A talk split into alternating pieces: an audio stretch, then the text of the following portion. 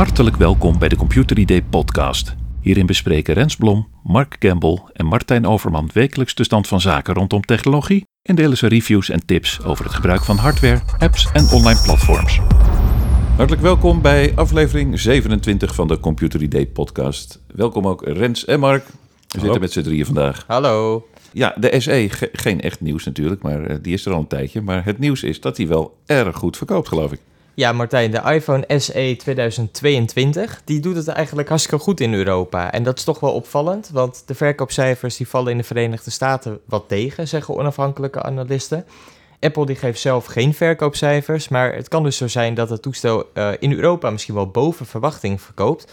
Het marktaandeel van Apple is in het afgelopen kwartaal gestegen. En daar horen dus wel alle iPhones bij, ook de duurdere modellen. Ja. Maar analisten denken dat met name de verkoop van die iPhone SE 2022 bijdraagt aan de groei van het marktaandeel van Apple. Dat is in één kwartaal dus gestegen van 21% naar 24% in vergelijking met hetzelfde kwartaal vorig jaar. Ja. Dat is wel knap, want de totale smartphone verkopen van alle merken bij elkaar, die zijn in de afgelopen maanden gedaald door allerlei redenen. Hm. Moet je denken aan de oorlog in Oekraïne, maar ook de chiptekorten, de logistieke beperkingen nog door de coronapandemie. Dus Apple die doet eigenlijk wel relatief goede zaken. En analisten denken dus dat het komt door die eh, goedkoopste iPhone. Ja, ik overweeg er zelf eh, dit najaar ook een te kopen als de support van mijn huidige model stopt. En eh, ik heb net ge- gehoord dat het een maand langer eh, eh, duurt, want waarschijnlijk komt iOS 16 pas in oktober uit. Dus eh, nou, kan ik nog een maandje langer met mijn huidige telefoon. Ja. Maar daarna ga ik toch inderdaad over, waarschijnlijk op dat ding. Dus dan eh, draag ik bij aan het succes van de SE22. Ja, nou ja, ik denk dat het ook wel logisch is hoor, dat het toestel eh, misschien wel beter verkoopt dan eh, sommige mensen denken. Want het is een spiksplinternieuwe iPhone, hij is dit jaar uitgebracht Ja. voor iets meer dan 500 euro. Maar hij heeft wel goede specificaties, hij is lekker handzaam. Hè? Je kan hem met één hand bedienen, met de thuisknop zit nog onderin. Het toestel is wel gewoon waterdicht en krijgt dus gewoon 5, 6 jaar updates. Nou ja, Hm. voor 500 euro is dat een mooi totaalpakket. Ja, dat is mijn overweging ook. Van, eh, ik ben vrij behoudend in, het, eh, in de aanschaf van dat soort spullen. En eh, nou, lange updates vind ik, vind ik belangrijk. Daarom. Dus nou ja, goede zaken voor Apple. Ik ben benieuwd hoe de nieuwe iPhones het gaan doen die dit najaar uitkomen. Die zijn natuurlijk weer een stuk duurder. Daar heeft Apple eh, een naam hoog te houden, zeg Ja. maar. Dus eh, nou, dat gaan we allemaal zien. Dankjewel.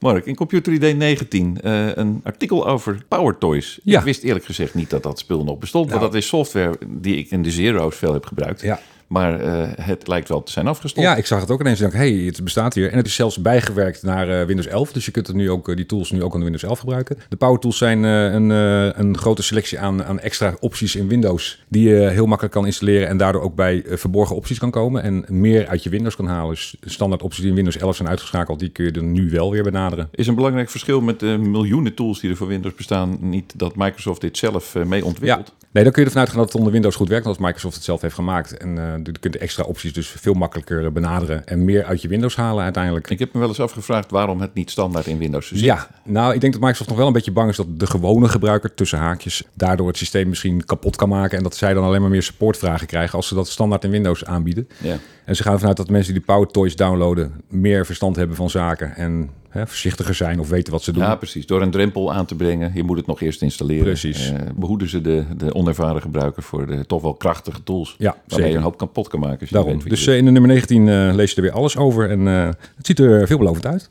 Ja, dat, dat, is, eh, dat is mooi om te horen. Ja. Minder mooi om te horen was dat eh, deze week het doek voor PCM gaat vallen. Ja, ja, ja, ja. Na 39 jaar. Zo. Ja, nou dat eh, raakt ons alle drie wel een beetje. Want Ja. we hebben er alle drie voor gewerkt. Ja, En, zeker. alle, alle drie in een andere rol, zeg Ja, maar. andere hoedanigheid. Ja. Ja, ik heb het eh, tot eh, vorig jaar mogen maken. Ja. De 4,5 jaar eh, lang. En ik heb daarvoor een paar jaar mogen doen, vanaf 2013. En Rens, jij hebt er ook voor geschreven. Ik heb, eh, nou dat is natuurlijk nog niet zo heel erg lang in relatieve zin. Hè. Van de 39 jaar heb ik er 6 jaar voor geschreven. En, en tot het meest recent nog. De laatste rubriek heb ik inderdaad een paar weken geleden aangeleverd, hè, voordat het natuurlijk naar de drukker ging. En ik vond dat wel een momentje dat hè, toch wel een iconisch computertijdschrift eh, er nu mee ophoudt. Ja. Ehm, maar ik vond het eh, superleuk om voor te werken. En ik hoop dat eh, de mensen die het tijdschrift jarenlang gelezen hebben daar eh, ook zo over denken. Ja, En ik was, dat was ook een van de eerste tijdschriften waar ik abonnee werd, van werd in mijn jongere jaren. hier, en, geschiedenis gaat nog verder terug. ja, ja, zeker. Want ik was al geïnteresseerd in dat soort dingen. En PCM ging altijd natuurlijk wat stuk dieper. En het ging echt over, de, eh, over programmeren en eh, echt over de hardware en alles. Dat vond ik echt super interessant. Dus ik ben eigenlijk al een lezer van het eerste uur eh, wat dat betreft. Eind van het tijdperk. Ja, zeker. Heel jammer. Ja. Ja. hey Martijn, als ik jou mag vragen, wat was voor jou het hoogtepunt in die paar jaar dat jij zeg maar de hoofdredacteur was van PCM? Wat net was gebeurd vo- voordat ik daar aantrad, eh, was een restyling. En toen zijn er allebei rubrieken eh, op de schop gegooid. Computer Totaal kwam bij Reshift en het was nodig om de bladen wat van elkaar te laten onderscheiden. Dus eh, PCM eh, werd minder een PC-blad. Technologische ontwikkelingen stonden daar bovenaan. Dus dat was belangrijker eigenlijk nog dan het tweaken en tunen wat het daarvoor altijd was. Ja. Dus het was meer een wetenschappelijk magazine geworden. of technologie magazine. En ja, dat vond ik heel leuk om te maken. Want Ja. het week af van wat ik de jaren daarvoor deed. Dus eh, nou ja, ik eh, denk er eh, met, met goede herinneringen aan terug. En voor jou, Mark? Ehm, ja, eigenlijk gewoon het hele idee meewerken aan PCM. Inderdaad, de restyling heb ik ook nog een stukje meegemaakt. Dat was natuurlijk heel belangrijk. En inderdaad dat het veel dieper eh, ging dan de, de gemiddelde computertijdschriften. Dus dat vond ik wel een leuke, ja, een leuke wending die eraan werd gegeven op een gegeven moment. Er is, er is nog meer slecht nieuws. Maar ja, in ieder geval voor de bezitters of gebruikers van sloten van Nuki. Wat Ja. is daarmee gebeurd? Ja, Nuki is een, eh, ja, toch wel een merk wat eh, in zijn marktsegment populair is. Verkoopt eh, vooral slimme deursloten die je op veel ja, consumentendeuren of bedrijfsdeuren kan installeren. Dan kun je ze openen met behulp van je telefoon, met de app erop. Hartstikke handig, totdat Ja. blijkt dat nou, misschien andere mensen dat ook kunnen doen, terwijl je dat niet wil. Hmm. Er is net deze week in het nieuws gekomen dat meerdere smart locks van Nuki kwetsbaar waren voor hackers. En dat is natuurlijk wel de, de grootste angst, denk ik, die je kan hebben bij een slim slot. Ja, Ja, ik, ik heb me van het begin afgevraagd eh, van, weet je, dat, dat zul je toch als, als eerste, tweede en derde moeten beveiligen. dat lijkt als jij wel, ja. sloten aanbiedt, dan, dan moet er toch geen enkele manier zijn om daar op een andere manier binnen te komen Ja. dan geautoriseerd. Klopt, klopt. En eh nou, Nuki die geeft daar zelf ook al jaren natuurlijk hoog van op dat ze beveiliging heel belangrijk vinden. En ik weet dat begin 2018 is een eh, onafhankelijk testinstituut ingeschakeld om nou, de veiligheid van de Nuki software helemaal door te nemen. Die vonden het heel erg veilig. Die hebben toen ook echt een, ja, een soort keurmerk uitgedeeld waarin die onafhankelijke partij zei wij staan achter de veiligheid van eh, de eh, Nuki-producten. Ja. Maar ja, goed, dit is natuurlijk wel weer ruim vier jaar later. In vier jaar later is die software helemaal aangepast. En zijn er dus blijkbaar meerdere kwetsbaarheden ingeslopen. Eh Nuki is daar op gewezen door een andere onafhankelijke partij. Dat was in april. Heeft in mei daar eh, nou echt hard aan gewerkt. Ook in juni. Die update is toen beschikbaar gesteld aan alle gebruikers. Via een update in de app natuurlijk. Dus ja, ze zeggen het is nu weer helemaal veilig. Maar het, ik vind wel dat het tot, tot denken aanzet. Hè. Wil je een slim slot op je deur, dan zijn er heel veel voordelen van. En het nadeel, hij kan misschien gehackt worden, is geen theoretisch scenario. Het kan in de praktijk dus echt Hmm. gebeuren. Maar dat is bij software eh, toch altijd zo. Het is niet Ja. de vraag of het ooit gekraakt wordt, maar Wanneer. Dat Ja. kan eh 1, 10 of 20 jaar zijn, maar er komt een keer iemand achter een probleem. Ja. En dan is het te hopen dat eh, de fabrikant tijdig wordt ingelicht en het kan repareren voordat er misbruik gemaakt wordt. Ja, en ik, ik snap ook niet, je zegt er zijn voordelen, maar wat is dan het grootste voordeel? Dat je op, ik bedoel, als je voor de deur staat, moet je hem toch, weet je, je gaat hem niet eh, drie kilometer voordat je thuis bent alvast open doen of zo. Nee, zeker niet. Nou ja, voordelen onder andere voor consument natuurlijk dat je kan instellen, je bent niet thuis, maar er komt een pakket bezorgen. Dat je even Hmm. de deur open doet, zet het maar in de gang, trek de deur achter je dicht. Ja. Ik weet dat verschillende hotels en eh nou ja, bedrijfinstellingen, die gebruiken ook wel slimme sloten. Dat Ja. medewerkers erop Ja, voor bedrijven snap ik het. Ja, voor het bedrijf Precies. wel. Ja, toegang eh, voor je personeel en dat soort dingen. Ja, en nou ja, vanuit consumentenperspectief heb je dat ook wel dat een bepaald iemand van de familie bijvoorbeeld erin kan. Of de buren als jij eh, op vakantie bent, dat je dan geen fysieke sleutel hoeft te geven. Maar ik ben het met je eens. Er is een markt voor, maar ik kan me ook voorstellen dat heel veel mensen denken, joh, dit is niet iets voor mij, ik hou het gewoon bij mijn eh, metalen sleutel. Ja, ja. En ik vind Ja. het risico dat het misgaat, vind ik eigenlijk veel te groot bij dat soort dingen. Zo zie je nu dus ook weer. Dat het op afstand, hè, dat er misschien loopt er dan iemand met, met een telefoon met wifi aan en je ziet, oh, die eh, mensen hebben een eh Nuki slot en die. En dan, oh, even checken, even kijken wat gebeurt. Ja, op het moment dat je hè, van dat scannen Ja. eh, en dan weet waar je terecht kunt, of in ieder geval een poging kunt. Nou ja, eh, het is hetzelfde als het verhaal van vroeger dat je eh, bij mensen wifi-modems kon scannen en waarvan je wist dat het default wachtwoord eh, Word driving Ja, precies. Ja. En dat is eigenlijk hetzelfde. Ja. Oké, nou, het, het is dus gepatcht en eh, er zijn geen be- gevallen bekend of bekendgemaakt waarin het, eh, waarin het misging. eh. Nee, zijn mij in ieder geval niet bekend. Dus het kan zijn dat het eh, goed is gegaan, hè, dat er geen misbruik van is gemaakt. Maar ja, Mhm. ook dat kom je waarschijnlijk niet helemaal te weten. Mark, wat is de vraag van de week? De vraag van de week. Het gaat weer over Windows. Ja, zal eens een keer niet, maar eh, dat, daar komen toch de meeste vragen over binnen. Deze keer vraagt iemand eh, hoe het komt dat de Windows Search, of het Windows zoeken, de zoekfunctie van Windows, zo traag is. Eh, nou ja, van standaard uit hebben wij hier op de redactie ook wel eens gemerkt dat het heel traag is. Zeker als je zoekt op netwerkschijven. Ja, Dus dat, eh, dat klopt. Het is niet een van de snelste manieren om eh, bestanden te zoeken. Maar het kan ook misgaan als die een keer gecrashed is of hij loopt vast op grote bestanden. Dan moet je het allemaal resetten. En dat leg ik dan in eh, de volgende computer in de vakman uit hoe je dat kan doen. Want dat, is dat kan ik niet zo in de podcast vertellen natuurlijk. Dat is best wel veel werk.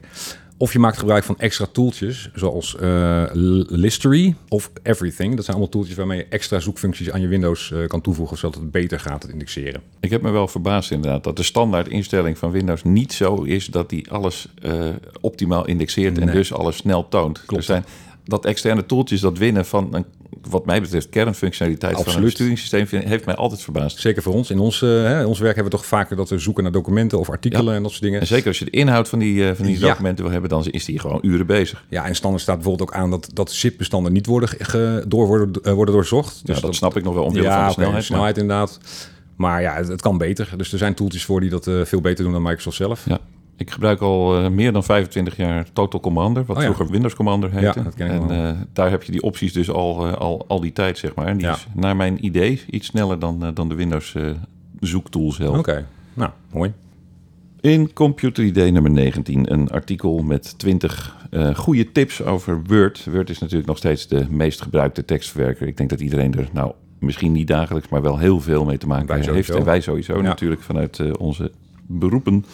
Eh, maar een aantal tips daarin, er waren voor mij ook nieuw. Dus eh, ik pak er een paar uit. Ik zal ze niet alle 20 benoemen. Maar eh, wat ik niet wist is bijvoorbeeld dat je met eh, tabellen... iedereen die wel eens met tabellen heeft gewerkt, eh, die weet dat Word dat ondersteunt. Maar dat je daar ook in kan rekenen. Oh. Ik gebruikte daar altijd Excel voor. Ja. Maar Word zelf kan bijvoorbeeld ook het gemiddelde van een reeks getallen in een kolom optellen. Oké. Hij kan ze ook sorteren. Oh, Dus dat kan Word allemaal zelf. nooit geweten. Tabellen converteren, hè, van komma's, komma gescheiden of puntkomma gescheiden, naar, een, naar een nette tabel. Dat, Ja. dat zijn een paar tabeldingen die Word eh, ondersteunt. Maar wat bijvoorbeeld ook kan, als jij een, eh, een eh, document wil opmaken, dan kun je ze natuurlijk de tekst om een afbeelding laten heen lopen. Ja. Normaal gesproken doe je dat met een, een vierkant wat je dan neerzet. ja. Maar je kunt ook met een wat grillige vorm, kun je die tekst ook mooi er langs laten lopen. Ja, ja, ja. Dan, geef dan markeer je gewoon wat puntjes. En dan gaat die tekst omheen. gaat er precies omheen, zoals in echte vormgeefprogramma's. Dus Word is inderdaad in, in dit opzicht krachtiger dan Ja. ik wist. Zeker. Nou, verder in het artikel eh, wordt ingegaan op eh, uitbreidingen door middel van add-ins en het maken van macro's. Nou, Ja. daar is natuurlijk een heleboel over te vertellen. Daar kun je ontzettend veel mee automatiseren. Ja. Eh 20 fantastische tips om daarmee een Word wizard te worden. Kijk. In Computer ID 19. Rens, er is weer een nieuwe tablet eh, aan het firmament verschenen. Een Ja. Emporia, nooit van gehoord. Nou, dat is wel grappig. Emporia is een Europees merk en die verkoopt eigenlijk vooral smartphones en dus ook een tablet gericht op senioren. Oh. En dat zie je deels wel terug in de specificaties. Het zijn niet de beste specificaties van dit moment, omdat het bedrijf ook wel weet, hè, oudere mensen hebben dat niet nodig. Ze focussen vooral eigenlijk op de software. En die tablets en die telefoons die draaien op Android en daar ligt dan een schil overheen, zoals dat heet, een software schil van Emporia. En die le- ja, is heel erg gericht op het zo makkelijk mogelijk maken van de Android software. Normaal zijn het vaak kleinere icoontjes. De instellingen zeggen ook niet iedereen eh, iets hoe, hoe dingen werken. De knoppen zijn vaak ook best wel klein, van terug en thuis, dat soort dingen. Dus zij hebben dat heel erg versimpeld. Wel Ja. met alle mogelijkheden van Android. Met een Mhm. paar kliks kom je bij alle normale instellingen. Maar de hele gebruikersinterface is echt gericht op mensen die geen ervaring hebben met een Android-tablet of een Android-smartphone. Die misschien eh, een iPad ook niet helemaal snappen. Dus ik heb daar eh, het nieuwste model van getest. Dat is de Emporia Tab 1 en dan een laagstreepje 001. Om maar aan te geven, is echt de eerste tablet. Ja, duidelijk. Eh hele review staat in Computer ID 19. Maar wat ik wel leuk vind om uit te lichten... is dat die tablet eh 300 euro kost... en eigenlijk wel een heel erg interessant totaalpakket biedt. Hij lijkt qua ontwerp veel op een eh, nou ja, wat grotere tablet van Apple of van Samsung.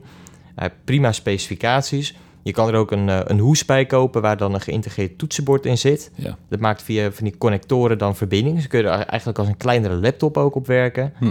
En wat ik heel grappig vind, is dat de tablet ook een simkaartslot heeft. Dus als jij zegt, ik hoef geen smartphone, maar ik wil wel een handige tablet... kan je een simkaart erin doen, kan je ook whatsappen en videobellen op die tablet. Ja. Dus het is echt wel een interessant totaalpakket.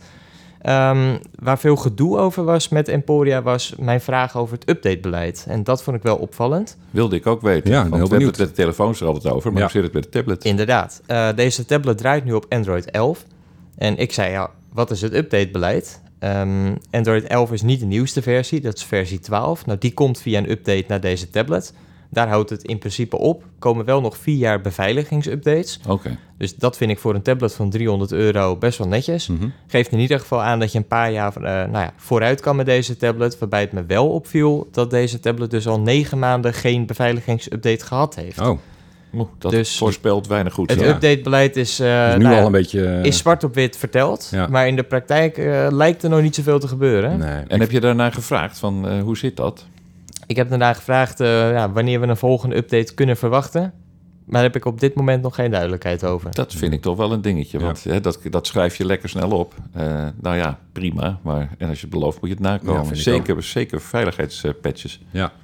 Ja, mee eens. En het is natuurlijk ook gek eigenlijk dat je hard dat je afhankelijk bent van hoeveel updates je krijgt voor hoe lang je de, de eh, tablet kan gebruiken. Hè, ze gaan er niet uit van de levensduur van de hardware, maar eigenlijk van de levensduur van de software. En dat is eigenlijk best wel gek, want hardware zou in principe niet oneindig, hè, maar je kunt het, moet het er langer mee kunnen doen dat je software updates krijgt. En straks als die beveiliging dus niet meer optimaal is, ja, dan is het ook gevaarlijk om dat ding in principe te gebruiken. Ja, met, met smartphones zijn we er inmiddels helaas al een beetje aan gewend dat dat, zo werkt. Ja, maar dat is ook eigenlijk best wel raar. Ja. Ja. Nou ja, ik, ik ben heel benieuwd inderdaad eh, wanneer die eerste veiligheidspatch komt. Ja. Maar goed, Android 12 komt er ook op. Althans, dat beloven ze ook. Eh, eerst dat maar even zien. Ja. En wanneer zou dat eh, gebeuren? Daar hebben ze niet zo over verteld. Ja. Ze zijn een beetje stil eh, op het op Ze zijn van je geschrokken. Ja. Het kostte veel tijd om überhaupt een updatebeleid eh zwart op wit te ontvangen.